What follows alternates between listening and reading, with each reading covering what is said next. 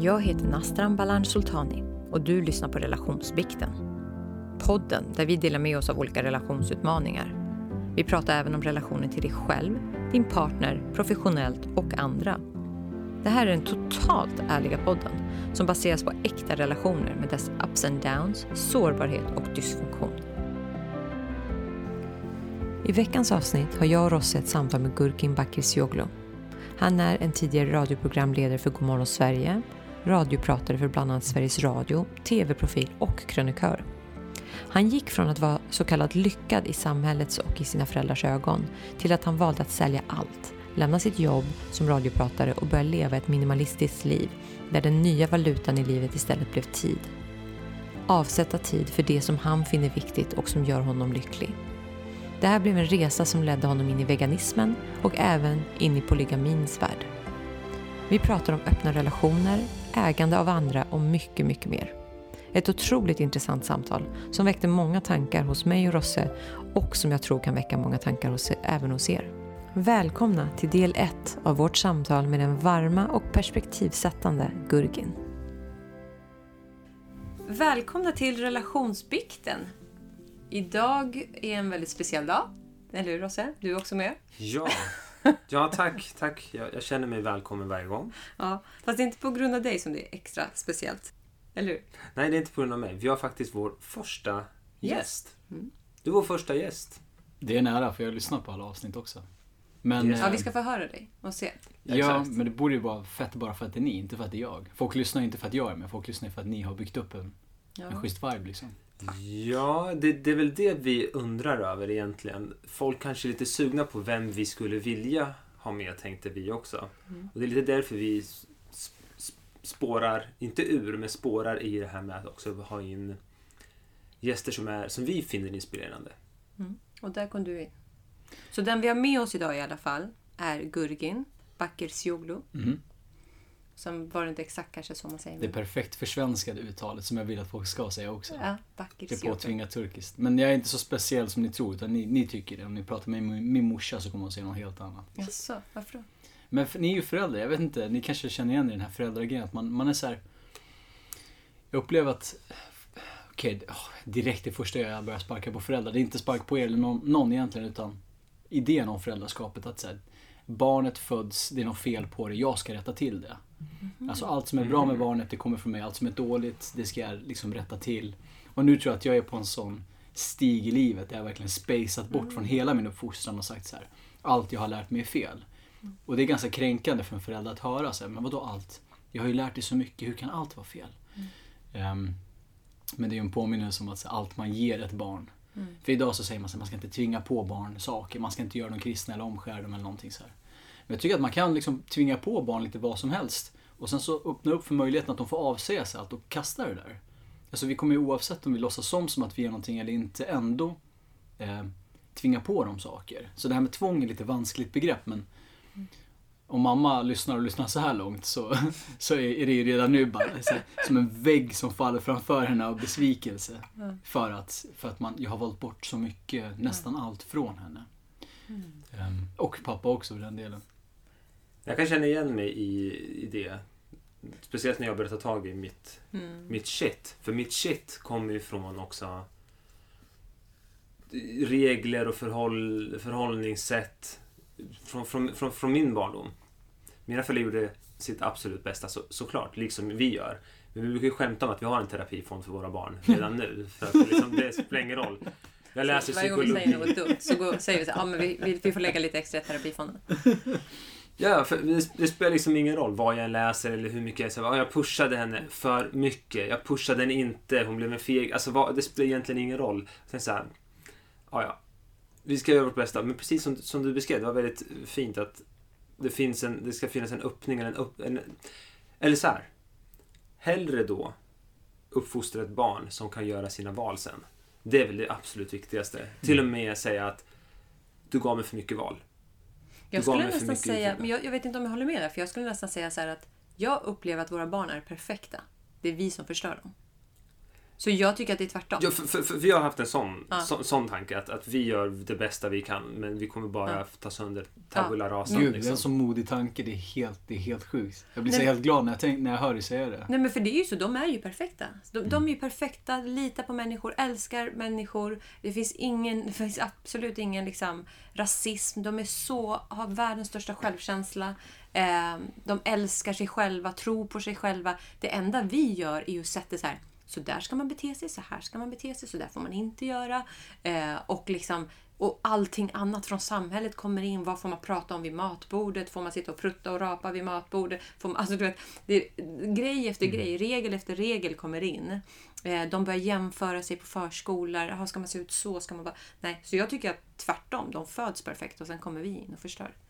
Ehm, Jag vet inte om du hörde det, vi, nämnde det för, för två avsnitt sedan kanske. Vi pratade om att uh, vår lilla bebis, påminner oss om att ib- ibland så ropar han och skriker. Han, vill ha, liksom, han, säger bara Wah! Wah! Mm. Och vi vet att det är en av oss två. Liksom, han, han, han vill ha uppmärksamhet. Han skiter i vilket. Om vilken tid det är. Vad det är. Han säger till när han behöver någonting och vi kan bara förstöra det genom att skrika på honom eller ignorera honom och visa honom att Nej, vet dina vad? behov är inte viktiga. Dina, Mm. Det du upplever som att du har ett behov av, just nu, att bli Mm. upplyft eller vad det nu är, och jag bajsar på mig, eller jag vill bara att ni ser mig. Det har noll betydelse. Mm.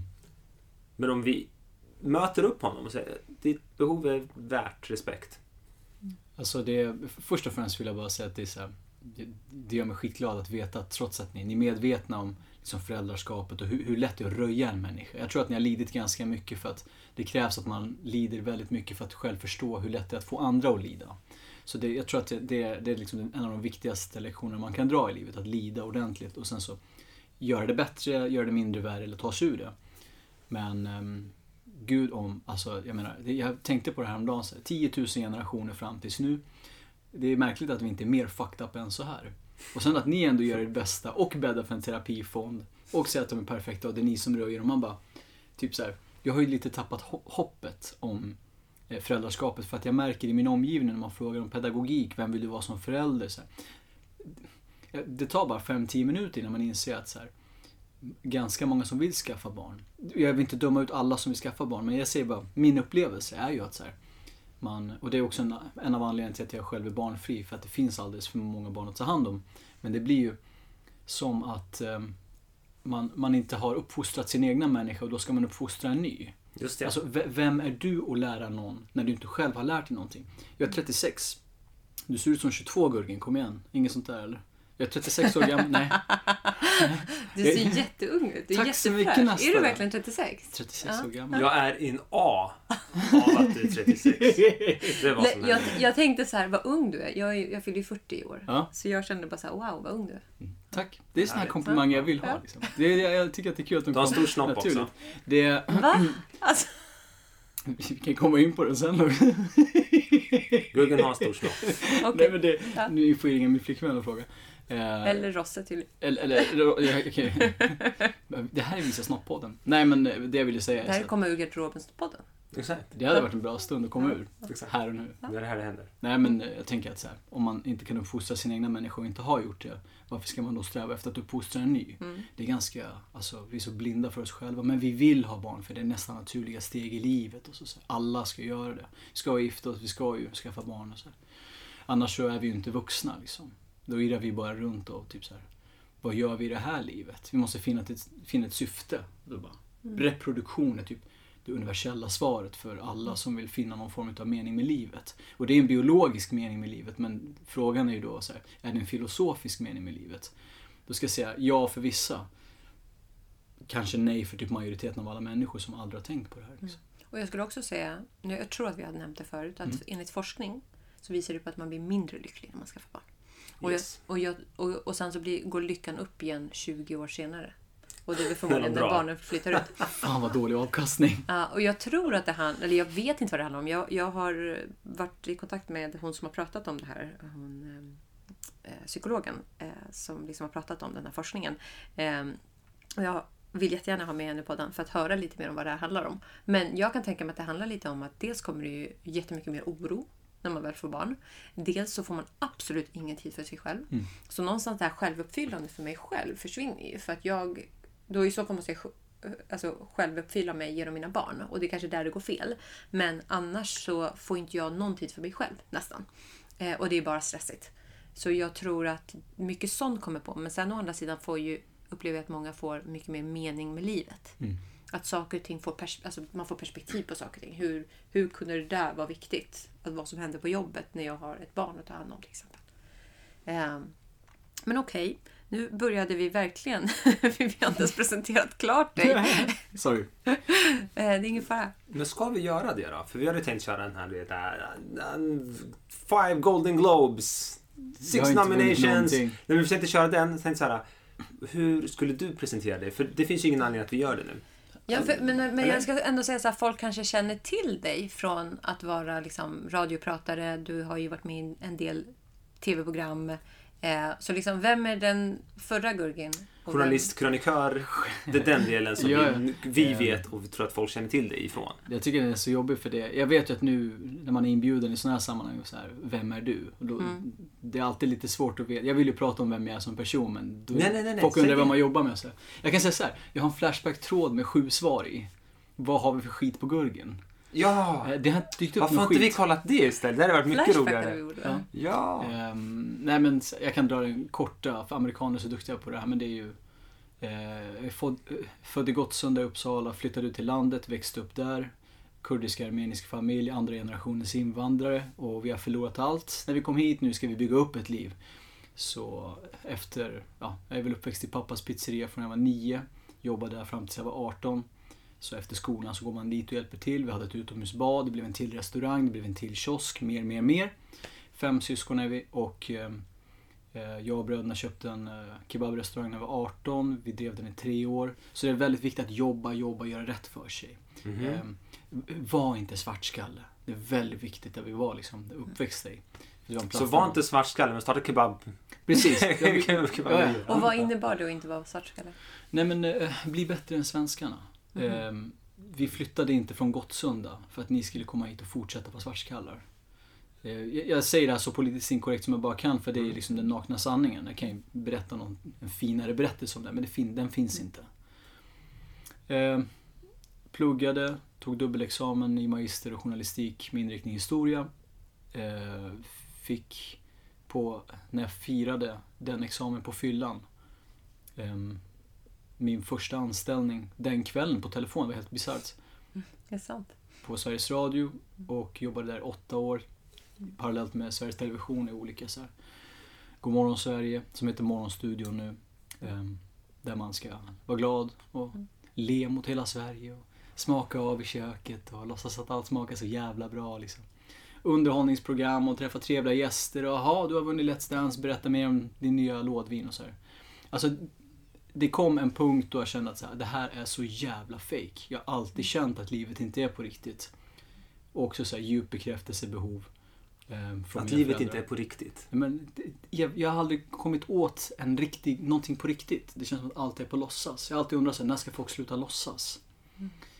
Även när jag börjar på arbetsplatsen, att folk leker chef och du leker mellanchef och du leker assistent. Man bara, det här är som, det är som charader. Liksom. Det är som, det är som, jag har alltid känt som att jag spelade Sims. Ehm, och sen så började jag liksom ifrågasätta varför jag jobbade så mycket som jag gjorde. Det, jag fick en bra push för att jag blev sjukskriven när min eh, eh, tjej som jag var tillsammans med i 12 år dumpade mig. Jag sa upp mig. Samtidigt så dog min hund. Så Oj. sålde jag allt jag ägde och köpte en husbil. Mycket som händer samtidigt. Ja, men jag bestämde mig för att så här, efter att jag gått i terapi mycket, det, för det är, terapin i Sverige är ju en entrébiljett till medicinerna. Det är väldigt viktigt att du ska få medicin och sluta känna saker. Liksom. Eh, Den enda saken du ska känna är positiva känslor. Och det känner jag är så här, västerländsk förnekelse kring hur, alltså, det finns inget helhetsperspektiv holistiskt på hur vi människor funkar. Liksom. Har vi ont i foten så kan vi säga dåliga saker på andra sidan kroppen i huvudet. Ehm, vi är en hel kropp liksom. Och det, jag bestämde mig för att jobba mindre, leva minimalistiskt, leva billigare, sluta sälja min tid till arbetsgivare. Mm. Och jobba med sånt som jag tycker är viktigt och kul. Och bara göra sånt som är viktigt och kul. Jag är 36 som ni redan vet. Mm. Fast jag ser ut som 22. du ser ut som Tack så mycket, tack så mycket. Men jag känner att jag har en hel ljus framtid framför mig. Det var tvärtom förut liksom. Och du, det låter ju lite som att du nådde någon form av botten där. När allt det där hände samtidigt. Hur var det? Hur länge var du i den? Alltså, jag kan inte svara exakt på hur länge, men jag ska säga kanske runt tre år. Alltså när man, eh, det hade varit enklare om kanske någon, gud förbjude, att någon skulle dö. För då finns det från en dag till en annan, jag kan se en ganska stor skillnad i smärta eller känsloförändringar. Men för mig var det mer som, och jag tror att många går igenom den här fasen också. De vet inte riktigt hur de hamnade här. Det är som att sitta i en bastu som någon sakta liksom värmer. värmer. Helt plötsligt så sitter du där 45 grader och du vet inte när det blev så här. Du vet bara att det är extremt plågsamt just nu. Men eh, jag kan väl säga att det var under tre, två års förlopp sådär. Men just att jag bestämde mig för att, att nu ska det bli bra. Det var ju från en vecka till en annan så blev det bra. Och det känns som att det är en sån här quick fix som man köper på någon sån här TV-shops shit liksom, på någon Tupperware-fest. Men jag förstod ju att jag kan gå in och plåstra om den här läckande stora vattentanken eller bara sluta förhålla mig till att jag behöver den här vattentanken. Jag kan bara skapa egna regler. Men du Det- nämnde att du gick i terapi. Mm. Eller? Och var det där du kom med underfund med de här grejerna? Eller hur, liksom, hur landade du i vilka saker du behöver förändra för att må bra? Alltså, jag började titta på... Gud, alltså det, terapin bygger ju mycket på, speciellt företagsvården, eh, bygger på att du ska må bra så du kan hoppa in i gamet igen. Du ska fortsätta vara så... Du ska vara tillräckligt olycklig för att du ska orka med morgondagen. Det är liksom the endgame av terapin idag eh, inom företagsvården. Eh, som gör att du sen ska kunna anpassa dig till arbetet igen. Men, men för många är ju också, alltså det här med att ni pratar ju också om så orsak och symptom. Alltså vad är orsak och symptom? Ska vi hålla på och försöka hålla oss friska från en sjukdom när sjukdomen är problemet? Liksom? Alltså, det kanske är immunförsvaret eller metoden eller att vi tvingar oss att jobba så mycket som vi gör eller att vi tvingar oss att förhålla oss till vad andra tycker och tänker. Att liksom, vi skapar en smärtkropp och vi ska bära med den hela våra liv och vi tror att det är något så här att det i sig är ett syfte med livet, att stå ut. Man, man ska ju göra så. Man ska inte ett jävla skit. Man ska göra precis det man känner för. Så eh, jag kommer ihåg när jag, när jag ringde terapeuten och sa att du, den här terapin kan vi avsluta. Jag, ska, jag, jag fixar det på egen hand. Liksom. Ja, vad ska du göra? Jag, är inte säker, men jag har ju gjort mig av med mina grejer. Ehm, jag har bestämt mig för att jag, jag, jag måste säga det högt. Jag hatar mitt jobb liksom. Sitta, sitta och prata framför människor jag aldrig kommer träffa. Det gör jag ju nu i och för sig nu också i en podd, men problemet var att det var mycket mer eh, hierarkiskt. Det är väldigt hierarkiskt på arbetsplatser. Jag gillar inte hierarkier. Jag har aldrig gjort det. Jag har försökt anpassa mig. Mm. Jag sa att jag tänker inte anpassa mig efter någonting. Jag tänker skapa egna spelregler. Så jag köpte en husbil och jag tänkte att jag reser tills att jag vet. Och, Det låter ju lite som att du försökte fly ja jag vet. bort ditt problem. Ja, det var också det hon frågade. Och då sa han, tror du att det här är flykt? Ja, men det, jag tror att nästan allt vi gör är, i livet är flykt, på något sätt. När jag går på en restaurang för att unna mig så vill jag kanske fly några dåliga tankar. Eller när jag tar en extra whisky på den här festen, varför gör jag det? För varför dricker jag ens? För varför äter jag det här? För varför behandlar jag mig? Varför tränar inte jag? Varför? Så att allt är ju en form av flykt. Då tänkte jag så här, på vilket sätt är det här en sämre flykt? För just nu så, så här, man kommer på sig själv att så här, varje typ tre, fyra kvällar i veckan sitter jag och dricker två, tre glas whisky i soffan. Varför gör jag det för? Gjorde du det? Ja, ja. Ja. Ehm, och inte för att whisky är fantastiskt gott. Utan mest bara för att jag, jag, jag ville komma iväg en stund. Och då bara, det är det här som är problemet. Kom iväg från vad, liksom? Ja. Ja, men komma, ifra, komma iväg från livets alla lidanden. Mm, Så mm. Kä- Känna att jag kanske inte räcker till som en pojkvän. Och känna att jag inte har tid till mina hundar och är otillräcklig till mina hundar. Jag går till en arbetsplats, liksom jag säljer så mycket av min värdefulla korta tid med till de här och jag vet inte ens vad jag vill göra med min tid. Jag vet, jag vet inte ens varför jag lever för. Vad är syftet med allt det här liksom?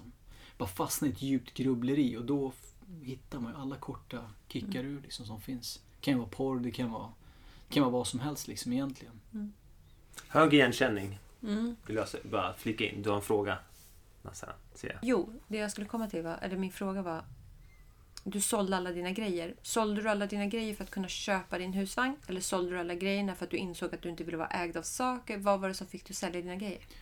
Alltså, så rationell, jag är inte så rationell idag, men så rationell som jag var då. Så tänkte jag att här, när jag äger typ, låt säga den här hörnsoffan som vi bor, eh, som vi sitter på just nu. Liksom. Om, om den ska finnas i min lägenhet så tar den upp massa kvadratmeter yta. Då måste jag betala den kvadratmeter ytan för att den ska finnas där. Och sen måste jag köpa soffan, så måste jag transportera den. Och sen kostar det mig en massa tid när det saknar en skruv för den. Börja lägga upp alla timmar i livet då typ den här hörnsoffan skulle kunna kosta mig tid. Och om den nu tar upp 6-7 kvadratmeter så betyder det att i månaden så måste jag jobba de här timmarna för att täcka upp ytan som den står på. Så det var enklare för mig att sätta prislappar i tid på allt jag gör. Typ den här kostar så, den här kostar så. Det här återkommande behovet av att äta ute kostar det här mycket i tid. Så jag bara konverterade all min valuta till tid och det blev mycket enklare för mig att förstå då att så här, det är grundidén om, eh, så här, om materialism och konsumtion som, som gör att jag känner mig inlåst i, i mina utgifter. Det är därför jag måste jobba. Mm. Så den här tanken om att så här, eh, det är sånt man gör. Det är sånt Mm. hederligt folk gör. Nej, jag ska säga så här, det är sånt idioter gör som inte har tänkt över varför man gör som man gör. Och när jag säger idioter, jag menar mig själv. Än idag kan jag komma på mig själv liksom när, när man köper något skit. Men hela tanken med minimalism är ju att så här, ringa in vad som är viktigt och oviktigt. Och ibland är det viktigt att, eller så här, det är lättare att veta vad som är oviktigt än vad som är viktigt. Känner jag själv liksom. Så din valuta blev tid någonstans? Ja. Och det är så kul, förlåt, när du säger att din valuta är tid. Det är egentligen Allas valuta. allas valuta Ja. hela tiden. Mm, det är ju det enda som man det. inte kan köpa. Precis. Men, men sen låtsas vi att eh, statsskuldsedlarna som är pengar är på riktigt och sen så leker vi den här leken återigen. Det är intressant för att hur mycket springer jag för det som äger mig? Så om vi inte använder vår bil så ofta Behöver den vara så stor? Behöver vi ha den här bilen? Ha garageplatsen? Behöver vi, vem äger vem nu? För vi har pratat väldigt mycket om ägande. Och det, för när vi kommer in på lite andra teman idag så ser vi lite grann, vi ser ägande är en... Det ligger så, det liksom genomsyrar dig. Vem äger vem? Bra, bra observerat. Ja, ja, men det är liksom det, det, är en, det är en stor grej i ditt liv. Vad, vad äger vad, vem äger vem? Men vi, kom, vi kommer tillbaks till det tror jag. För det finns flera teman som handlar om just ägandet. Mm. Och eh, hur vi kan äga saker tillsammans. Eller inte ens tillsammans, hur vi faktiskt äger allting tillsammans. Till och med skapa bebisar. Men jag, kom, jag kommer till vad bebisar är. För jag, jag fick en tanke om det. Mm, Okej, spännande. När vi kommer till barn, kanske kommer tillbaks till barn. Gör vi det? Ja, det- eller det vet jag inte. Vi får se vad det här samtalet leder oss. Spännande. Men okej, Mhm. så du säljer allting. Hur kändes det att sälja allting? Jag, alltså, jag ska säga att det kändes inte så jävla mycket förutom som att man släpper en tung väska man har släpat genom ett helt län som du har promenerat igenom. Liksom. Mm. Alltså det, det, det är... Ja, folk som har tittat på så här minimalistdokumentärer har ju samma sak, så jag kan liksom inte tillägga något mer än att det är som att du verkligen släpper taget om grejer. Det är skönt. Mm. Man kan deläga saker, man kan hyra saker om du behöver någonting, du kan låna, du kan köpa second hand. Mm. Men vi behöver inte alla de här sakerna. Vad ger de för värde i våra liv? Och det insåg att ja, du kan digitalisera de viktiga grejerna i ditt liv. Eh, Men att ringa en truck och säga hej, kom och hämta allt. Liksom, Erikshjälpen. Det är befriande. Det är extremt befriande. Kan rekommendera det till alla som känner sig tyngd utav sina grejer. Hur, hur reagerar dina föräldrar? Jag tänker så här kurdiska och armeniska föräldrar. Alltså Mm. det måste ha varit så här, min son håller på att bli galen, han mår jättedåligt. Alltså det, de måste ju trott att du mådde dåligt då. När det här hände. Absolut. Ehm, Och inte innan. ja, När du var lyckad. då var jag lyckad. Jag, jag, de var ju Inom citationstecken gjorde jag nästan, jag säga. Ja. ja, tack vare hartassarna. Det, ja, men så här, jag- jag var ju en, en stolthet. Mm. Såklart. Det var jag verkligen. Mm. Så här. Dubbelexamen, bara den. Ja, jo, jo, men också att så här, Nu kommer jag låta fixerad, men Ja, du var en fan. guldpenis. Vad sa du? Du var en guldpenis. Men var han är från. Turkiet. Ja, men han vet vad en Nej, guldpenis jag vet, jag vet på, Ja, jag, jag, Dudul har hört det på kurdiska att det är någonting med guldpenis men jag tror inte att vi är bakuris, alltså vi är från norra Kurdistan. Jaha, Nej. Dudul Tala. Dudutala är persiskt och det är att eh, man har en gyllene penis. Och Mm. det brukar man ju säga då när en son, oftast den förstfödde sonen, liksom sätts på en pedestal.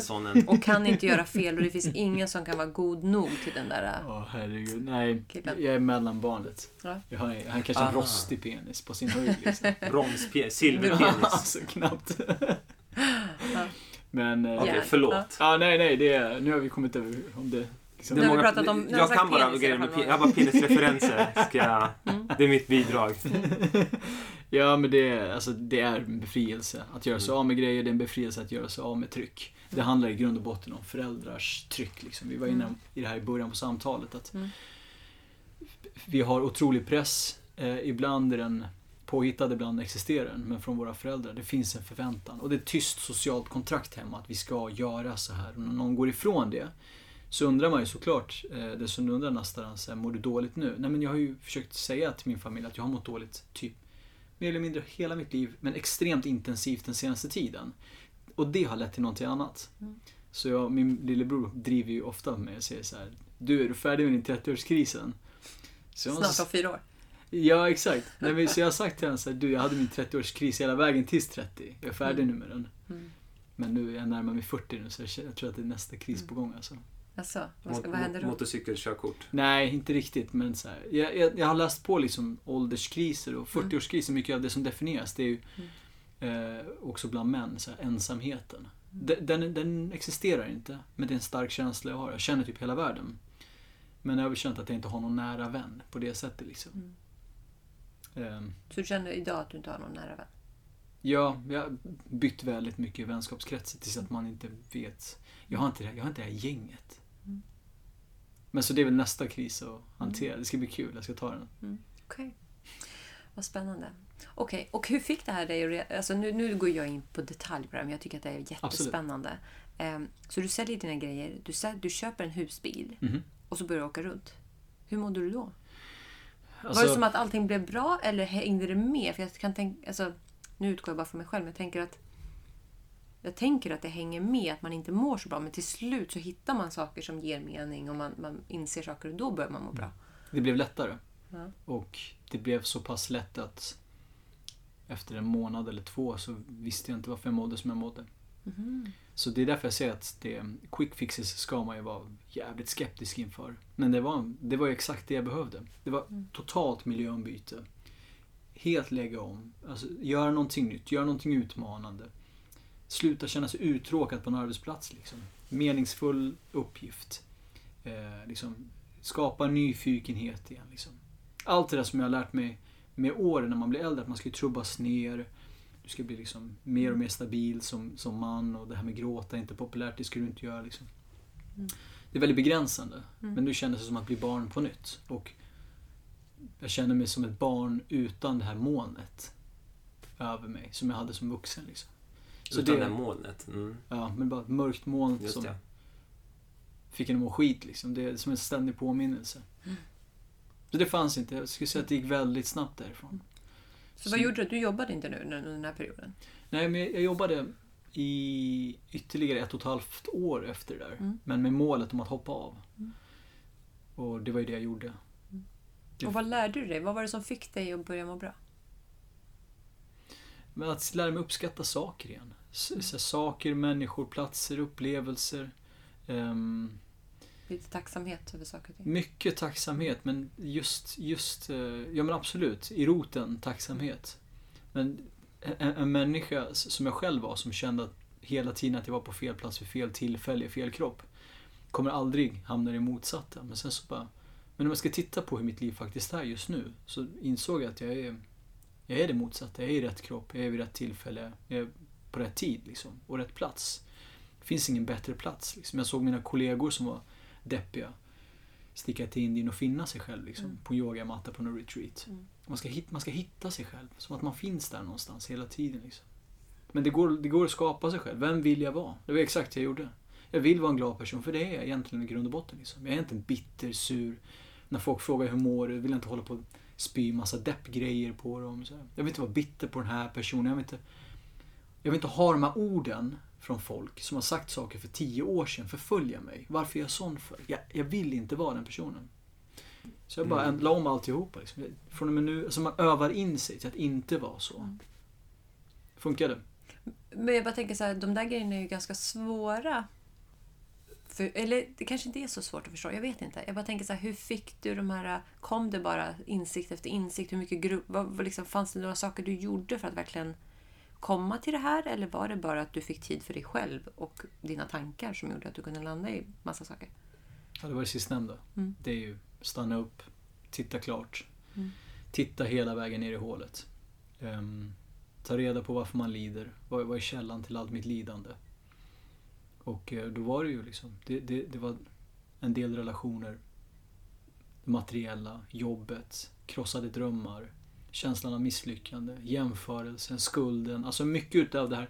Jag, ber, jag berättar mycket utav första och andra generationens invandrarberättelse just nu. Mm. Det här med att du duger aldrig, du är helt värdelös. Eh, De här är alltid bättre än dig. Och vad fick de med betyg? Varför har de det här jobbet? Varför har de lönen? Varför bor de på andra, den här adressen och inte du? Liksom? Mycket Sitter- jämförelse och Hela bristtankar. tiden, Mm. absolut. Eh, Det är så du för en person fram. I... Men det, det, den är, det är helt fel. Alltså en människa måste ju älska det de gör. Det funkar inte så här. Jag har en enorm frigörelse. En strävan efter att vara, Mm. att, att, att, vara, att vara fri. Och många av mina klienter som, som, jag, som jag coachar pratar just om att de vill vara fria. Det är oftast därför man kommer till coaching, man vill hitta en livsmening. Ofta pratar man om så här, en, en av drivkrafterna jag har är frihet. Du landar oftast i det. Men vad innebär frihet då? Och det där, där jag ser mycket av det här att koppla sig fri från det som, var, som dels har varit, det som har påtvingats. Och, och kommer tillbaka till det ägandet igen på något sätt. Att du ägs inte av gamla tankar som någon, som någon annan har ärvt för det första och sen ska de ärva ner det till dig. Till och med så vänder du dig extra mycket högre på något sätt emot det som är omedvetet nedärvt. Det är som att du nästan föraktar den delen mer än något annat. Så du inte ens... Det är som att du, du, du har ju mycket tacksamhet. Så jag hör att någonstans att du, du är glad och tacksam över dina, vad dina föräldrar har lärt dig. Över de grejerna som de är medvetna om. Men det är delen som de är omedvetna om som du har fått ärva. Som jag eh, uppfattar som att det tycker du är nästan jobbigare. För det, det känns som att du... Har ni ens, vet ni ens vad ni har gett mig? Eller vet det här samhället ens vad det gör? Det medvetna som samhället gör, det är fine. Man kan välja det eller välja, in, välja bort det. Men det omedvetna som vi gör, det känns som att det är någonting som triggar dig mycket. Men den är också Eller? den svåraste att greppa. Alltså när, när, när jag säger som förälder till ett barn Mm. att eh, det är viktigt i den här familjen att vi är artiga. Okej, du har hört det. Men sen kanske du ständigt kan se något annat. Du kan se en otroligt oartig pappa liksom, eller mamma. Mm. Och det, det, det där är absolut svårast att greppa och förklara för sig själv. Varför triggas jag av det här? Varför blir jag arg eller ledsen av det här? Men jag har sett mina föräldrar värdera den situationen.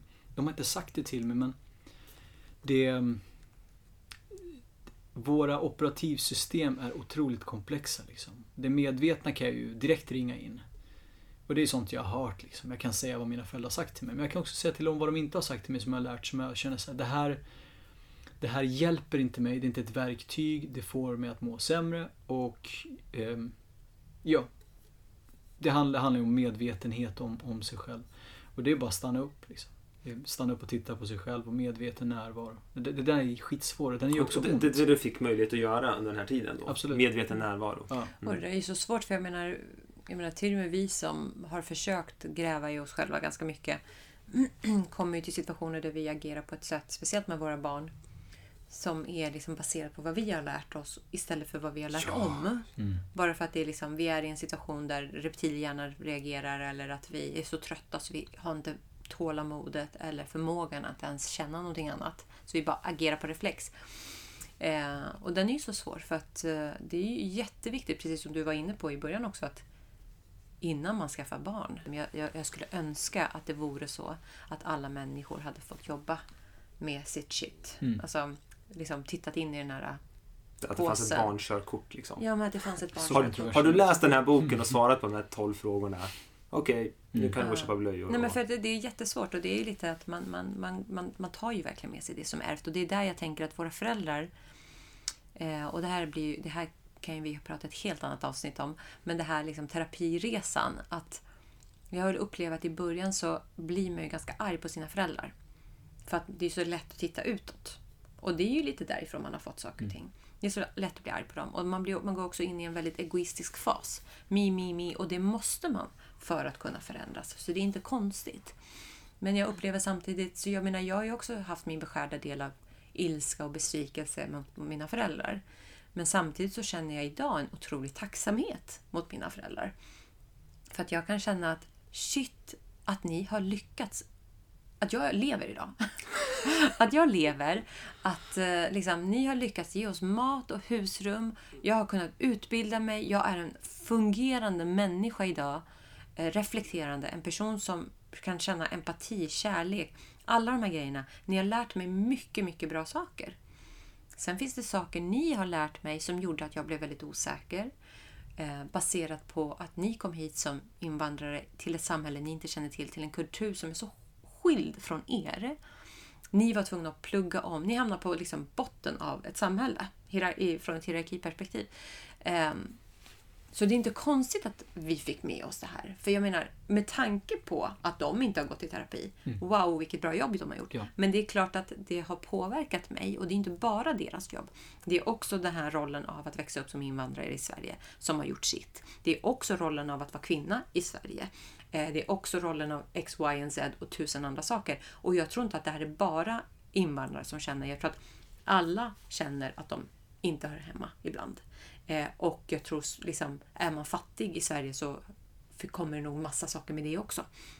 Så, så, så jag, jag tror att man, Eller om man är jätte, jätterik i Sverige. ja, så oavsett vad så tror jag att det kommer med saker och ting. Absolut. Men, men jag tror att det där är en del av det, att man verkligen tittar på sina föräldrar. Och, så. och du, du var ju lite inne på det i början också, att liksom att du har försökt liksom lära av dig allting som dina föräldrar lärde dig. Eh, liksom in, vad, vad har det här inneburit för er relation idag? Kan ni ha en fin relation? Eller hur ser det ut? Absolut. Den, eh, den kommer med plus och minus. Eh, periodvis minus men mest plus. För att jag har haft tid. Och det är tid jag ville frigöra. Att umgås med mina föräldrar. Alltså, eh, kommer man från ett kollektivistiskt samhälle och hamnar i Sverige så undrar man ju vad ska hända med oss? Ska de göra som, som svenskarna gör med sina äldre? För att de är väldigt ovana med det. Va? Ska de institutionalisera oss? Ska de stoppa in oss på det där hemmet? Liksom? Så det har varit en trygg grej att jag som, alltså som 36-åring som ni vet att jag är nu. 22 egentligen. 22 Nej, egentligen. 15 i hemlandet. Där, här, att, man, att jag kunde umgås med mina föräldrar en, två, tre månader om året. Bo Mm. hemma hos dem. Alltså inte bara hälsa på utan jag, jag bor hos dem. Numera. Ja, Inte, inte under coronan har varit svår men Mm. Mm. Nej, nej de precis. här Men åren. alltså, ja. Wow. så här, simma med farsan, umgås med honom. Mm. Hänga i tystnad i bastu en timme. Säg, in, inte säga någonting. Så det är inte det här ringa, hej mår du bra, jag mår bra, tack, hej då. Det är egentligen ingenting. Jag bara säger, du hörde min röst, jag hörde din röst. Vi sa ingenting till varandra liksom. Mm. Så den tiden har ju funnits. Ehm, Det är ju fantastiskt. Ja, så det har väl varit det största liksom. Men sen så... Det är ju inte kul att höra att man har... Att man, det vill ju inte folk veta liksom att man, man ger sin egna smärtkropp till sina barn. Men jag vill, jag vill bara liksom tacka alla oss här, liksom, mig, Nastaran och Rossa, om att vi sitter ändå med tanke på vår bakgrund och pratar om våra föräldrar i en podd så andra kan höra. Det är ganska ovanligt för vår kultur. Eh, men det är också det som jag det för oss framåt för att kanske folk kan också bli medvetna om sina egna smärtor. Att man ger den till andra hela tiden. Och det, det är ju det här som är problemet att föräldrar är ju ganska omedvetna om det här. Barn förstår det här 30 år efteråt och sen blir man, sen sker den här förbittringen. Man hatar sina föräldrar. Och så. Men så glömmer man bort det för att titta liksom, det tacksamma. För att vända sig till det. Då är det så här, men under förutsättningarna. De hade typ jack shit. De har gett mig värsta livet liksom. Så det, hade jag själv kunnat göra det, jag tror inte jag hade haft den styrkan. Så här sitter jag i min privilegierade situation och kommenterar när hela loppet är över. Bara, ah, du kunde och du kunde och du kunde. Man bara, vet du vem du låter som? Du låter som dina föräldrar. alltså så här, men så här, give them a fucking break alltså. Det blir, jag, tycker, att man är väldigt hård mot sina föräldrar. Sen finns det anledningar också till att vara hård mot sina föräldrar. Jag menar, jag tycker inte att alla föräldrar förtjänar sina barn. Nej. Jag tycker att alla barn förtjänar föräldrar, men alla förtjänar, föräldrar förtjänar inte barn. Så att på det sättet tycker jag att vi ska ge barn mer makt. Liksom, Mm. i, i vad Och mer skydd. och mer skydd, Mm. absolut. Verkligen. Mer makt, mer skydd till barn. Det Mm. kör vi. Vi öppnar en ny podd som heter Barnfonden. Nej, podden. Barn... barn whatever. Men ja. Eh, Okej, så minimalism. Du, jag, för den är väldigt intressant. Vad betyder det för dig då? Alltså den leder in till det som jag vill leva, det är frivillig enkelhet. Mm. Saker ska vara så enkla som möjligt. Och när jag säger enkla, då menar jag att så här, en relation ska vara så enkelt som möjligt. För, för det är ju så bullshit, vi är jättekomplexa. Men mitt hem behöver inte vara så komplext. Jag tycker att livet kan vara komplext, så varför ska då allt materiellt vara, liksom matcha upp till de förväntningarna? Varför köper jag den där vasen? Varför? Så här, jag tycker det är skitsvårt på födelsedagar att säga till folk att jag vill inte ha saker. Ehm, Det ni ger till mig, det ger jag bort. Jag kastar det, jag återanvänder det, jag an- använder det inte själv liksom. Men vad behåller du? Någonting får du som du bara, oh, Vad vill du ha? jag äger, du ha jag äger den. Den kommer inte äga mig. Den här boken kommer jag äga. Du fick ju en vegansemla idag. Ja, Ja. Var det en, ett straff eller en gåva? alltså det är en straff för det är för mycket kalorier. Vadå, Ni, ni måste- förstör min kropp. Du, du ser inte ut att ha brist. Alltså, du har ju blivit väldigt smal. Ja. Så du, Nej, alltså, jag vet inte, men, men det där är, det är ju liksom en förbrukningsvara. Mm. Jag menar, jag, jag kan tänka mig så här, om man, om, man, om man känner en minimalist och man vill ge en present. Fråga dem, vad brukar du handla för stapelvaror? Och om Mm. jag kommer med toapapper och mat, matkasse liksom. Du skulle ändå köpa det. Eller Mm. det finaste som äntligen har min familj fattat. För jag har ju visat dem varje gång de har gett mig någonting så här. Tack så mycket men det här kommer jag ge bort. Alltså det är ganska kränkande. Eller så här, när man ska säga, när man säger till det dem så är här, otacksamt. Ja, jag ska regifta den här. Men min brorsa har verkligen fattat den och han gav mig en sån här Operation Smile-present. Mm. Typ så här, operera ett barns leende liksom, i, i tredje världen. Och då kände jag så här, nice, den går till någonting. Det Mm. måste gå till någonting, men jag behöver inte saker liksom. Så, Mm. Så vad är det bästa man kan ge dig förutom en operation smile? nej, tid. Alltså, relationer. Jag tror inte man ska... Alltså, jag vet inte vad jag ska säga. Jag, jag vet inte materiellt vad En promenad med dig? Ja men det är bra. Ja absolut. Ja, det kostar ingenting. Här, häromdagen så skulle jag plugga, jag, pl- jag pluggar ju som sagt igen i mitt liv. Och så var det en sån här bokbytarhylla. Då hittade jag en bok som hette Aljosha berättelsen om en zigenarkung eller Var något det sånt där. därför vi hade den hemma? Jag tänkte, Ja, det bok? jag tog Ja. hem den. För jag började, istället för att plugga, så satt jag och läste den i 25 minuter.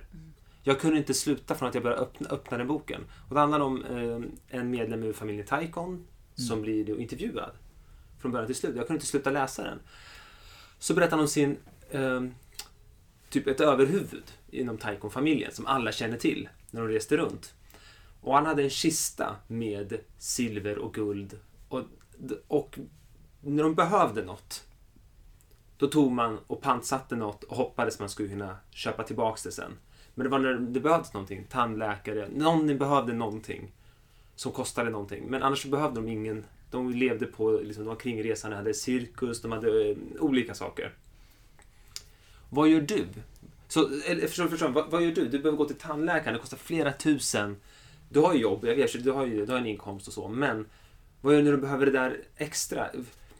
Skulle du behålla en guldkedja om du fick? Om man sa så här, här får du guld. Skulle du ändå, skulle du ändå tänka så här, ah, det här är tre tandläkarbesök plus det. Är det vad det skulle kunna representera för dig? Guld? Hänger du med? Absolut. All, allting, jag kan konvertera allt till någonting jag behöver.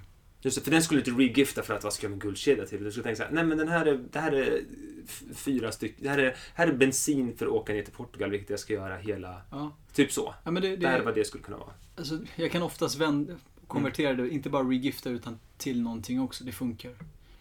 Alltså där jag bor nu i kollektiv i Årsta, det ligger cyklar överallt hela tiden. Jag är ju känd hos Westberga Hittegods nu. Ingen lämnar in cyklar som jag gör. Så det är, jag vet att när jag ger till mina vänner så man får alltid tillbaka något annat eller jag säljer dem eller så. Du kan konvertera allt till någonting du verkligen behöver. Men eh, jag har ingen kista med grejer liksom. Nej, nej, nej, nej, nej, Så man ska inte bryta sig in hos dig nej. och sno Nej, nej, men jag, men tyckte det var ett så intressant sätt och liksom att de ändå bara så här, ja men det var så enkelt. Det var så här, vi behöver ingenting, men om vi behöver någonting, Så har vi vår sparbank. då har vi vår lilla sparbank och det, behöver inte, det är inte svårare än så här att man bara Jo. pantsätter Mm. något och sen konverterar till vad vi faktiskt behöver. Mm. Men då kommer vi in på behov, behov och vilja lite grann. För när Mm. vi pratar minimalism är det mycket behov och vilja. Uh, fighten mellan Mm. vad behöver jag, vad, vad vill jag? För du, du har nämnt det i tidigare poddar också. Har du pratat mycket behov och vilja. Och det är faktiskt någonting dem. också som vi har pratat väldigt mycket om också. Skillnaden mellan behov Ja, ja. och vilja. Det Har ni kunnat ringa in den då? Det, nej, Ja. det, för oss har det varit väldigt stort i vår terapeutiska Mm. resa. Det var väldigt tidigt också, pratade Ja. mycket behov och vilja. Så är det här verkligen ett behov eller är det en vilja? Mm. För, och speciellt ska jag säga också i liksom med min tidigare ätstörning att det var ju också så här, men jag, jag vill det här. Men behöver jag det här? Det. Så här, behöver min kropp det här? Behöver mitt sinne det här? Eller är det bara jag vill köpa den där dyra, vad det nu kan vara. För jag, jag vill ha den, men behöver jag det? Nej. Alltså, så, ja. så det har varit, vi, vi använder oss behov eh, och vilja väldigt mycket. Mm. Alltså skillnaden mellan dem. Ja, men jag tycker att den är så svår för att alltså, det måste egentligen bottna i funktion. Alltså löser den här ett problem? Ehm, Göran Rosenberg är ju inte minimalist, men jag hörde han säga det i, jag tror i P1 i plånboken för 5-6 år sedan. Jag har tänkt på det sedan dess. När de frågade han, vad brukar du köpa? Jag köper bara sånt som, som löser problem jag har. Man bara okej, det var väldigt eh, det var väldigt eh, enkelt att se på det. Så jag har utgått ganska mycket från det. Sen köper jag mycket skit jag också. Alltså, Vad köper du för skit? jag menar, jag menar, behöver jag två sorters teer? Behöver jag tre sorters teer? Nej, men jag har en tjej som kommer bråka med annars. Du behöver henne. jag behöver henne liksom. Det här, det här är ett medel för att hon ska behålla mig. Ehm, jag, är ju in, jag har ju varit ehm, 100% militant. Liksom. Till en början hade jag ju, jag räknade ihop något till 35 ägodelar. Det var jävligt knepigt. Mm. Eh, och jag försökte liksom hitta hela tiden sätt att, att förfina det på. Så en stekpanna som var tillräckligt djup så att den också kunde koka i. Så det var en kastrull som jag kunde koka te i. Som, sen insåg jag efter ett tag att det här är jätteotympligt. Liksom. Sen nu har jag, jag tror att jag äger kanske, ska säga, allt som allt i hela mitt liv. Jag säger 200 men jag lägger på 100 till, kanske 300 saker. Mm. Och jag skulle lätt kunna göra mig av med 100 grejer till. Men jag känner att det blir för fanatiskt igen. Alltså jag behöver de Mm. sakerna någon gång ibland. Jag har med mig en kamera hit idag. Mm. Liksom. Det, behöver jag en kamera? Nej men det, det är en hobby. Det känner jag att det, det fyller ett syfte. Jag fotar vänner, jag fotar, Mm. jag fotar allt. Liksom. Och vad är målet med att ha så lite saker som möjligt? Alltså, det, är ju en liten prestigegrej. Så när, när jag dör så ska det ta jävligt snabbt att dödsstäda. Sen ger de mig ingenting. De ger mig ingen djup lycka. Tvärtom så, så gör de mig ännu mer bedrövlig. För när jag köper en sak så har jag en kartong att kasta, sen måste jag fixa den, sen måste den städa den, sen måste den ersättas. Det är ganska skönt att stänga av det här eh, eh, behovet av att titta in mot röda skyltar. Vad är det där? Är det 50? Är det total utförsäljning? Alltså, att lyckas stänga av den, den är jävligt befriande. För då kan du fokusera på sånt som är viktigt. Liksom. Den här konversationen vi precis hade när vi gick förbi den där liksom, affären med massa erbjudanden. Liksom. Det är inte ett sätt att umgås på, hänga en galleria. Eller jo, det, det är ju det. Men jag menar bara att det är ett orimligt sätt att bara umgås, konsumera när vi umgås. Varför, varför är det så? För, liksom? Varför kan vi inte bara sitta ute på en filt för? Men samtidigt, så, alltså, för det här med att om man, om man alltid ska ställa sig frågan så här, löser det här ett problem? Så skulle ju många kunna säga svara ja. Ja, för när jag har på mig mina svarta Precis. kläder då vill jag ha den här guldväskan till. Så det löser ju ett problem. Så det handlar ju om vad är det för problem Ja, det är vanskligt löser. som fan. Ja, och så här, är det ett genuint problem? Är det ett problem som ingenting annat kan lösa? Och, och också frågan så här, det här problemet, vem är det som skapar det problemet? Mm. För att om, om, om, man nu, om det till exempel handlar om att jag behöver ett par skor till för att jag tycker att jag behöver ett par gråa skor när jag har på mig ett par gråa jeans. Till exempel. För att annars så kommer inte jag eh, vara den här trendiga personen och då kommer inte jag få den här, eh, de här blickarna från de här personerna. Eller jag kommer inte vara... Så, så man måste ju gå lite tillbaka till roten till vad, är det för, vad, vad är det för problem vi egentligen pratar om och vad, vem är det som skapar de här Mm. eh, liksom, kraven. Så jag tänker annars, det, annars kan det vara lätt att manipulera Absolut. ordet Ja, eh, sk- löser det här ett för att det är subjektivt. Ja. Det är ju det det handlar om. Ja. Alltså, så här, det här är, eh, länge hade jag bara de här byxorna i två år kanske. Sen, så, sen landade saker på en när folk tycker att så här, åh, oh, kore fakiri, han är synd om han. och de där byxorna saker." börjar lukta. Ja men, ja, men man måste ju tvätta dem också ibland. Men så här, brorsan har gett mig ett par byxor. Det landar grejer på en hela Ja. tiden. Så här. Men ehm, jag, jag har känt det behovet också. Att så här, fan, jag har haft samma byxor på mig flera år nu. Mm.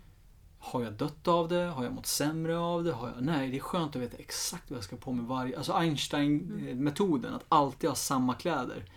Hade han det? Ja, det är sam, Mm. samma uppsättning kläder. Ingen variation. något. Jag brukade köra den länge men sen efter att Alltså nästan hälften av det jag har på mig här är är från ett dödsbo. Jag märkte att när kompisars morsor och pappor dör nu så är det så här, kom och städa upp. Och så, jag är inte längre den minimalisten jag brukade vara. För att Ja. så här, Ja. ja men du vet, de ska ändå göra sig av med det här. Jag kan lika gärna ta de här 20 paren strumporna liksom. Mm. Jag kan ju vara en cool minimalist och ha fem och visa upp på YouTube och så här, Men det är så här, nej men i framtiden kommer jag behöva köpa. Mm. Så jag märker själv att det är vanskligt för min egna del. Mm. Verkligen. Nästan vet att det jag har på mig just nu, de här... Helt svarta. bo- Dels att jag är helt svart bara, men den här tröjan och de här av mig. byxorna. Han gjorde det? Jag har alltid haft helt svart. så Jag har bara helt svart mig. numera, men jag vill säga, den här, de här byxorna, den här tröjan, har jag haft varje dag sedan nyår. Ja. Är det sant? Varje dag sedan nyår. Du har inte tänkt på det, men jag, jag, jag Det skämtade om det säger häromdagen lite, vi också. tittar på den nu för det. Ja, det är ju... Tvåbarnsföräldrar. Det har gått en hel månad in på året här. Så har, fort, har du jag, inte jag, sett jag fick den innan i, i julas. Men har innan jul. Jag fick den. jag Jag, fick inte på vad det Jag, jag handlade inte heller grejer. Knappt. Alltså, och och bara fun- jag behövde en mössa häromdagen. Jag bara, Mm. för jag, har jag har min kompis. Arsalan, du ska få tillbaka din mössa. För jag köpte en egen. För jag tänkte han måste få tillbaka sin. Den har varit hos mig. Jag har lånat den hur länge som helst. Jag, jag älskar allt du säger. Vi har tjafs om ett bord hemma. Ett sånt Ja. här slags bord hemma har vi, har vi tjafs om just nu. Jag vill inte köpa bord. Det är när hon inte är hemma som du ska sälja och kasta det. Nej, nej, Nej. Vi har det inte. Nastan vill köpa ett Vi vardagsrumsbord bord och jag säger att vi inte ska ha det. Mm. För vi har två side, sidobord som Mm. vi slår ihop och sen Men löser vi måste vi. ta bort saker varje gång vi ska slå ihop dem. För, för i, mitt, I min värld så har det Och funkat de är tunga. galant. Ja. Ja, men jag vill inte dras in i det här. Det, Nej, det, här, nej, det är liksom eran grej. Nej, nej, nej. Så, så jag, jag, jag, jag är jättemycket lutad åt minimalisthållet. Det ska se vår garderob också. Min Ja, krymper varje år. Nästan hans sväller. Min, min del jag- krymper. Men det är det vanligaste folk säger. Jag skulle önska också att jag kunde. Eller jag vill också. Eller i grund och botten. Så här. Alltså alla är överens om att det här är en ganska schysst grej. Nej, det, jag, jag, för mig är det otroligt skönt. Jag har bara svart. Och nu beställer jag två selfie-påsar till. Nu ska grejer Jag måste bara fråga av ren nyfikenhet. Ja. Du, du, du sa att du bodde i en husbil, men nu sa du att du bor i ett kollektiv. Japp. Vad hände med husbilen? Husbilen efter fyra år, eh, Rest in Peace, den dog på Autobahn i Tyskland. Just det, det var massa inlägg om känner någon, någon som kan någonting och sen var det för dyrt till slut att reparera Ja, den. Visst var det något sånt? Ja. Sjukt mycket att rädda en dieselbil. Så det var min stora klimatsynd. Det var dieselmotorn i den där och gasoltuberna. Men ehm, tog oss hem till Sverige. Jag bor... Vi Tog har ett- oss. Vad sa du? Tog oss. Dig Ronja. och... Ja, eh, Ronja, vår nya hundbror från Portugal. Ja. Och eh, vi hade en samåkare. Jag samåker alltid med folk från nätet. Det är det bästa som finns. Eh, kul att se en person som man aldrig mött förut. Mm. Och bara helt plötsligt från en dag till en annan, ni ska umgås i 15-20 dagar nu. Det måste funka. Det är verkligen intressant. Eh, och tjejen var med också. Men nu bor vi kollektivt i, i ett, ja, fyra pers, tre djur, ibland fyra. Mm. Det är jävligt trevligt liksom. Mm. Eh, och jag har en deltidsbo, deltidsboendet, där, en skåpbuss som är färdigbyggd. Men jag funderar på att sälja den. Vad, vad, vad, vad, vad var det bästa med att bo i en husbil? Friheten. Alltså man kan... Eh, jag hade så mycket fördomar om olika platser i Stockholm. Mm. Jag har bott i Lidingö, jag har bott i Danderyd, jag har ja, bott just i det, du har bott liksom... överallt nu. Ja, ja. De finaste adresserna. Ja, ja, eh, första 365 dagarna runt 200 adresser. Så det är intressant att se hur varje gata har en egen kultur. Alltså så här, i olika Du bodde på. Strandvägen ett tag. Strandvägen bodde jag i fyra, fem månader i Och sträck. Just vilket var bäst då? Vilken adress var bäst? Alltså den bästa, det, det, det, det säger man inte. Det är en grej. Det, det, är- det är en kultur. Det får man, inte- man får inte ge bort sina spots. Det är som, det är som svenska Nej, men jag menar inte så. Jag menar så här, om du skulle köpa ett hus idag, Ja. vart skulle du köpa det här huset? Naturen eller vid, vid, vid sjön. Liksom, Ja. Vid en sjö. Så ingen av de adresserna du bodde på? Nej, Ja. nej, nej, nej. nej. Okej. Aldrig i livet. Mm. Men det var, det var nära till. Så här, det var ganska trevligt. Så jag slapp pendla. Så här, nu ska jag jobba, nu, det här är min uppdragsgivare i fyra veckor. Ja, men vi bor utanför. Mm. Sen frågar man lite snällt så här. Ja, men ni har en dusch här på jobbet också. Ja, det har vi. Så här. Om man inte ställer sig nära sitt gym liksom. Så det finns alltid resurser. Ehm, Mm. Sen finns det ju väldigt många som inte stänger av sina wifi, så de kan man leva på länge också. Fattar. Och vad var det sämsta att bo i en husbil? Alltså, jag vet att jag ska säga någonting som är så här hemskt, men jag kan inte säga det. Du, det för det finns inget. nej, alltså de som verkligen vill göra det, Mm. älskar det. Mm. Det är det enda jag Blir tänker det på inte nu. kallt? Det kan bli kallt, men du kan lösa allt med Försvarsmaktens varma kläder. Men så här, är det så att man inte... Jag brukar säga att det, det, är en, det är en bra plats att lära sig att deal with your own shit. För att du får tömma din egna toalett. Mm. Det är inte så jävla charmigt. Mm. Och då vet man också att, jag är ledsen om ni är så här, Nej, men det är för magstarkt. Men, Vi har två barn. ja, och de är nötallergiker så då kan man aldrig hända dem om de flyttar in i husbil. Men när man äter för mycket nötter som är svårsmält så blir det oftast stopp i ens toa. Mm. Och det är en ganska otrevlig stund i livet när man svär åt sig själv och säger vad fan ska jag äta så jävla mycket pumpafrön för hela tiden? Liksom, här står jag Är det förstoppande? Good to know. Det kan vara att jag tuggar dem dåligt. Det här är väldigt intimt men vi pratar om min tarmflora helt plötsligt. Men det, men det, det, Tro mig, det har varit mitt top one subject sedan jag var 20 år gammal. Jag vet inte varför jag alltid tyckt sånt. Tarmflora. Tarmflora eller bajs? Både och. Ja. Nassan älskar sånt. Ja, på middagar, folk kommer och Nassan ska ändå bara Nej men vi är väl lugna. Jag bara You don't know them. Det här är mina vänner som... Now they know you. Ja. Ah, Men vi är väldigt rädda för vårt bajs idag. Alltså, det är ju sjukt när vi tänker på att vi, vi spolar ner det i färskvatten. Och sen bygger upp ett helt system för att rena färskvatten så vi kan dricka det. Mm. Det måste ju bindas i marken. Liksom. Vi har jättemycket avföring som vi måste, det måste ner i marken, precis som djurens. Mm. Så det, det är fan shame alltså, bara den grejen. Intressant. Och Men eh, när jag tänker så här, minimalism. Det jag tänker så här är hur långt sträcker sig minimalistiska tankar? Alltså är det så här, förutom saker, är det också att man eh, liksom är minimalist när det kommer till eh, relationer? Är det minimalism när det kommer till liksom, eh, mat? Alltså, liksom, var, var går gränsen kring minimalism? Alltså, nu, nu gick jag direkt in på den materiella biten eftersom att det är det folk förstår lättast. Men Ja. det, det, det handlar mycket om att titta på sitt schema. Vilka är mina vänner? Vad lägger jag ner min tid på? Vad vill jag ha tid för? Alltså allting i grund och botten ehm, som jag skulle vilja promota det är ju tiden. Vad är det som kostar tid? Vad är det som ger dig tid? Så att när man har kunnat ringa in det så är det väldigt enkelt att förstå att så här, minimalism är ett ganska brett begrepp. Men sen finns det ju många som tror att det handlar enbart om att så här, ja men titta, de bor 100 kvadrat på Östermalm och de har fyra möbler. Kolla vad stor yta det är. Men det, det där är också, för, för att dra det där till det inre känslolivet vi har, det är också clutter vi har inside. Så. Vi har ju massa sånt skit också. Vi har ju massa bokhyllor vi inte behöver på vår insida också. Massa kunskap vi inte behöver och massa relationer och saker vi ska gå på. Så här, måste jag gå på det här minglet? Nej. Varför går jag på det här minglet? För att det kanske ger mig ett jobb. Lever jag för att jobba? Nej. Fuck that shit. Varför ska jag göra det för liksom? Varför går folk på AVs för på fredagskvällar? Alltså som en förlängning av jobbet när de hatar sina jobb. För att de får chansen till en ny position på en plats som de egentligen inte vill jobba på. Det är minimalism, att kunna se allt liksom. Så här, hur vill jag umgås med mina föräldrar? Hur vill jag umgås med mina vänner? Min flickvän?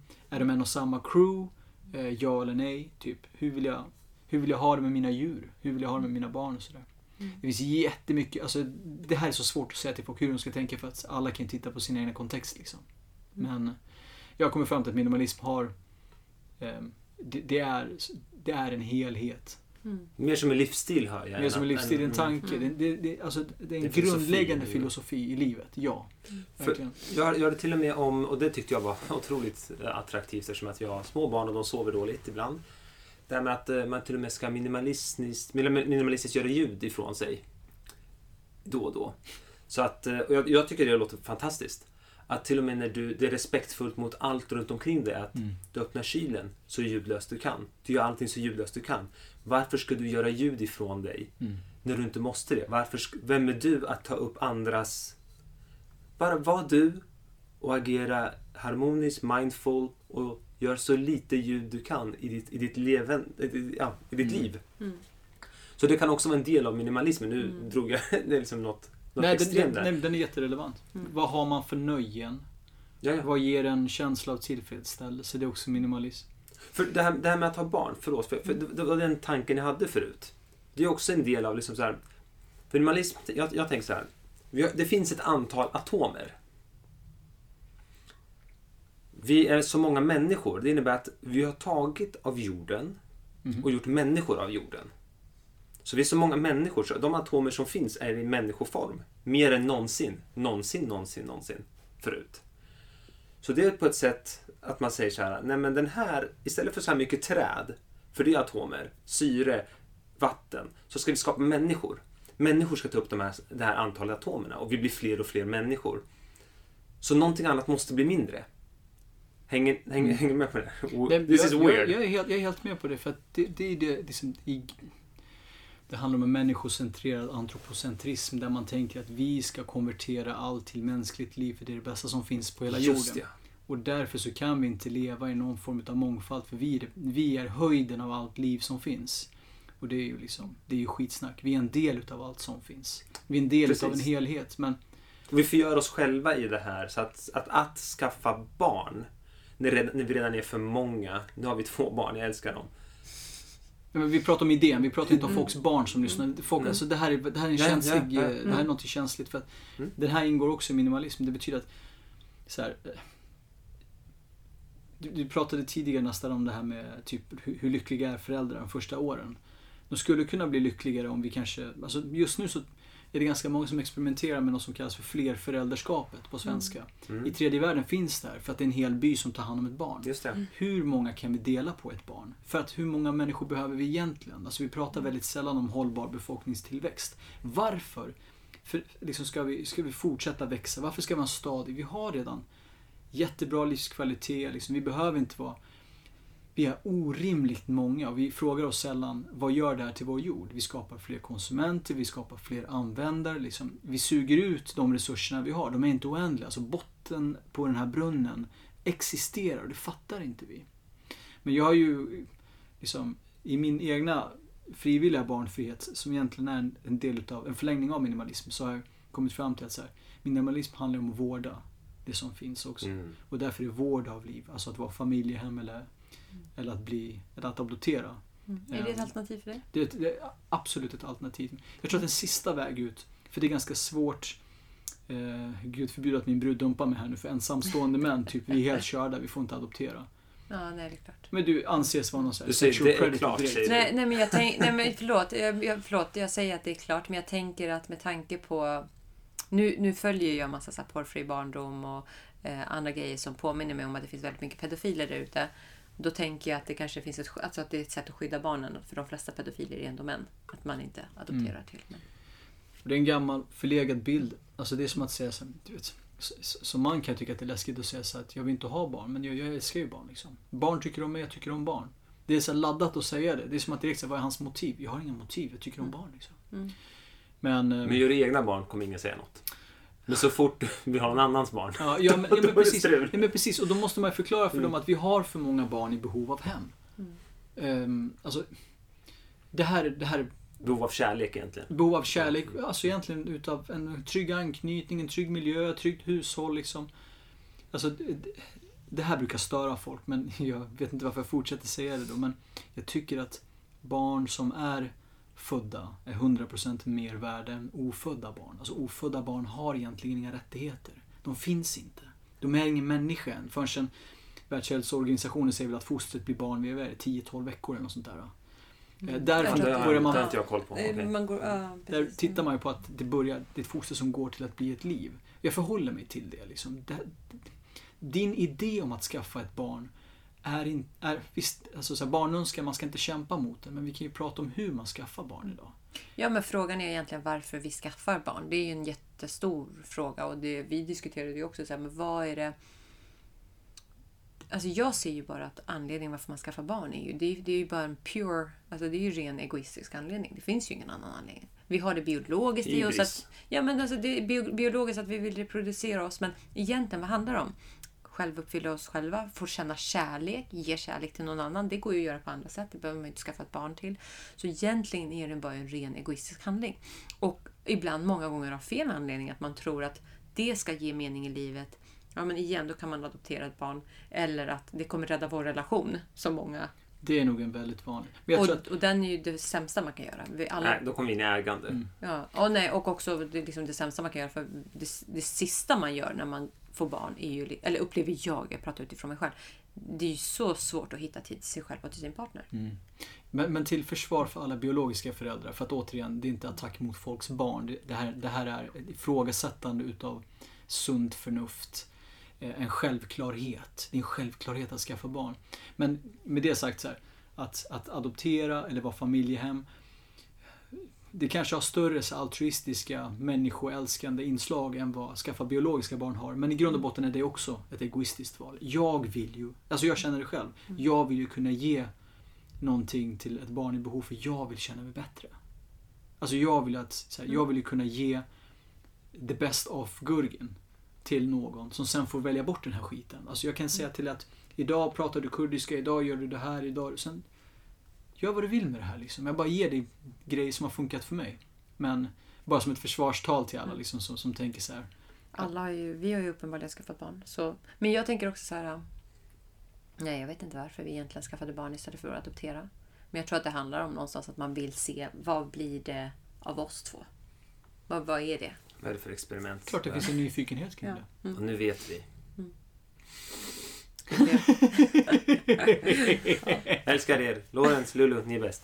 För de kommer lyssna på det här. Ja, precis. Bara, Om 25 what? år, terapifonden, de börjar casha ut. De bara, här är, här är allt mitt underlag. Det Här är grunden beviset, till det här. De, beviset på att våra föräldrar var crazy.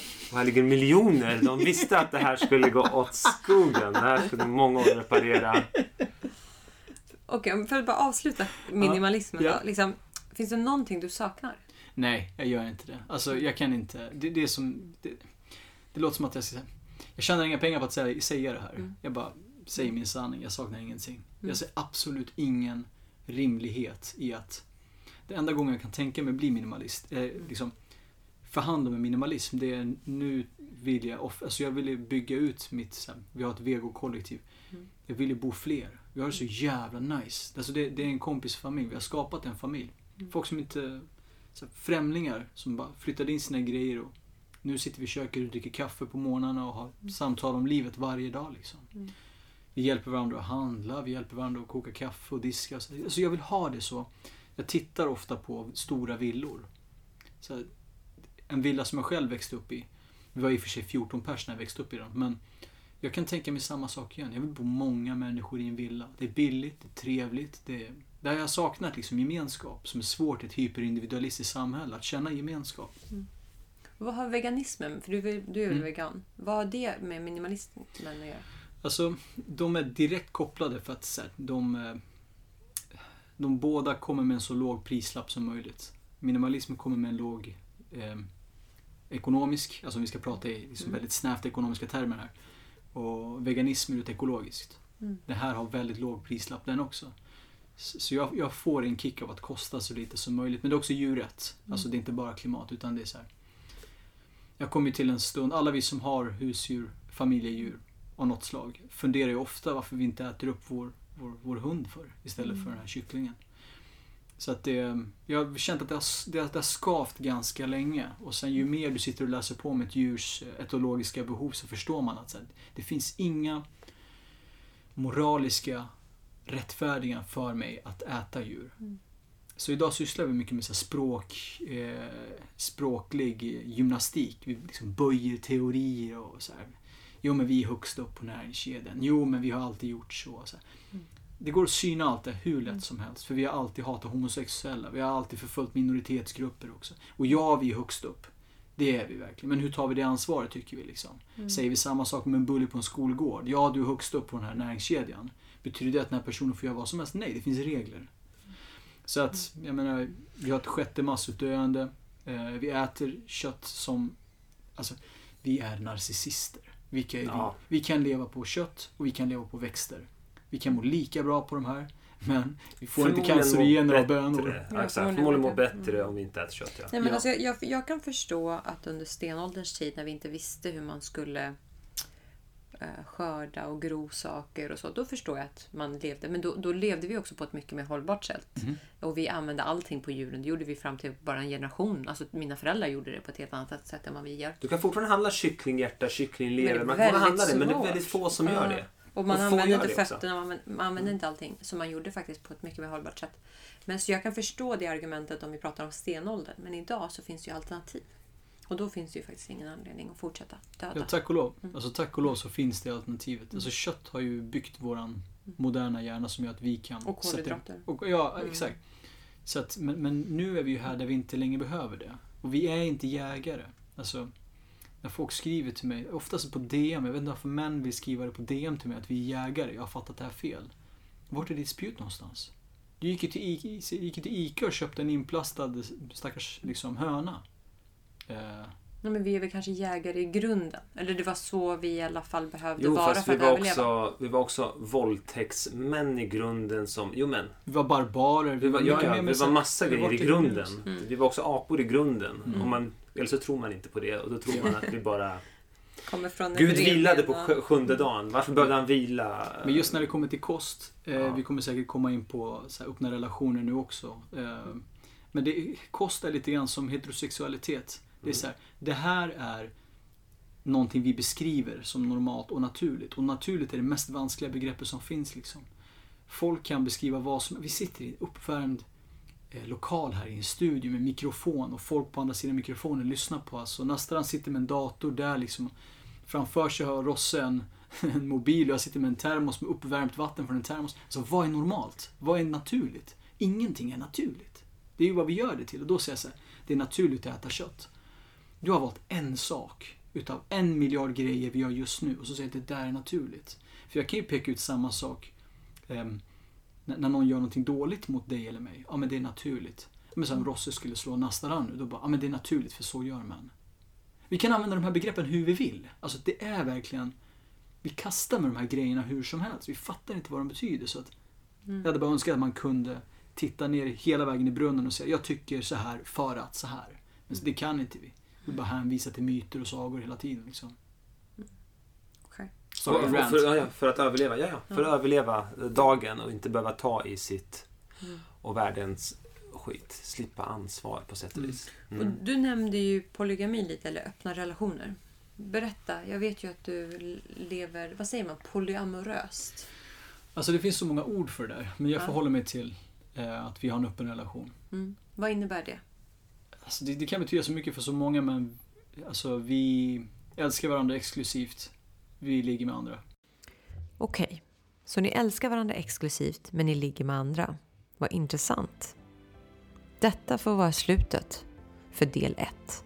Och i del 2 går vi in på vad polygami är, vilka tankar som fick Gurgen att gå från att fantisera om polygami till att faktiskt ta steget. Och även vad det innebär för Gurgen och hans flickvän att leva polyamoröst. Missa inte del 2 som kommer ut nästa vecka. Tack för denna gång. Vi hörs snart igen.